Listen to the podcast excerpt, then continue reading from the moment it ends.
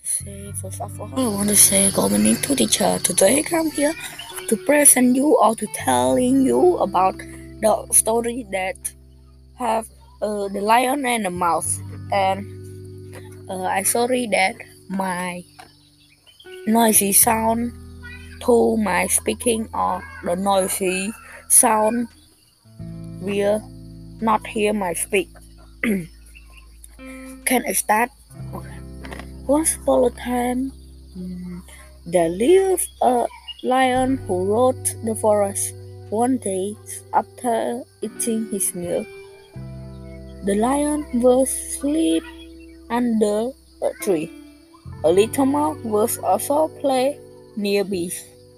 A little mouse began running up and down up on him.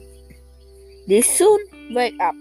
The lion, the lion catch the the mouse in his hand and said, "You little mouse, how dare you wake me? I will kill you." The mouse was afraid. He re- requested, requested the lion, "Oh king, please don't do not kill me. I will help you next time." The lion laughed at this and said, "You are too small to help me. Anyway, you can go." A few days later, the lion was walking in the jungle. He found himself caught in the hunter net. He roared loudly, but he fell. The lion was panting for help.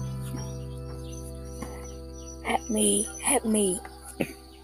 The mouse who life was sealed by the lion hand the roof and ran to the lion and said, Don't worry, my friend, I sell you.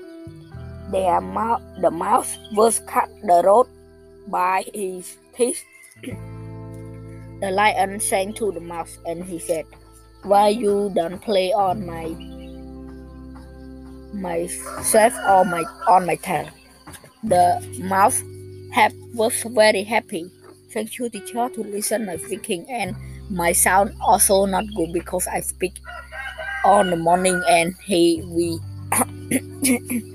okay, thank you.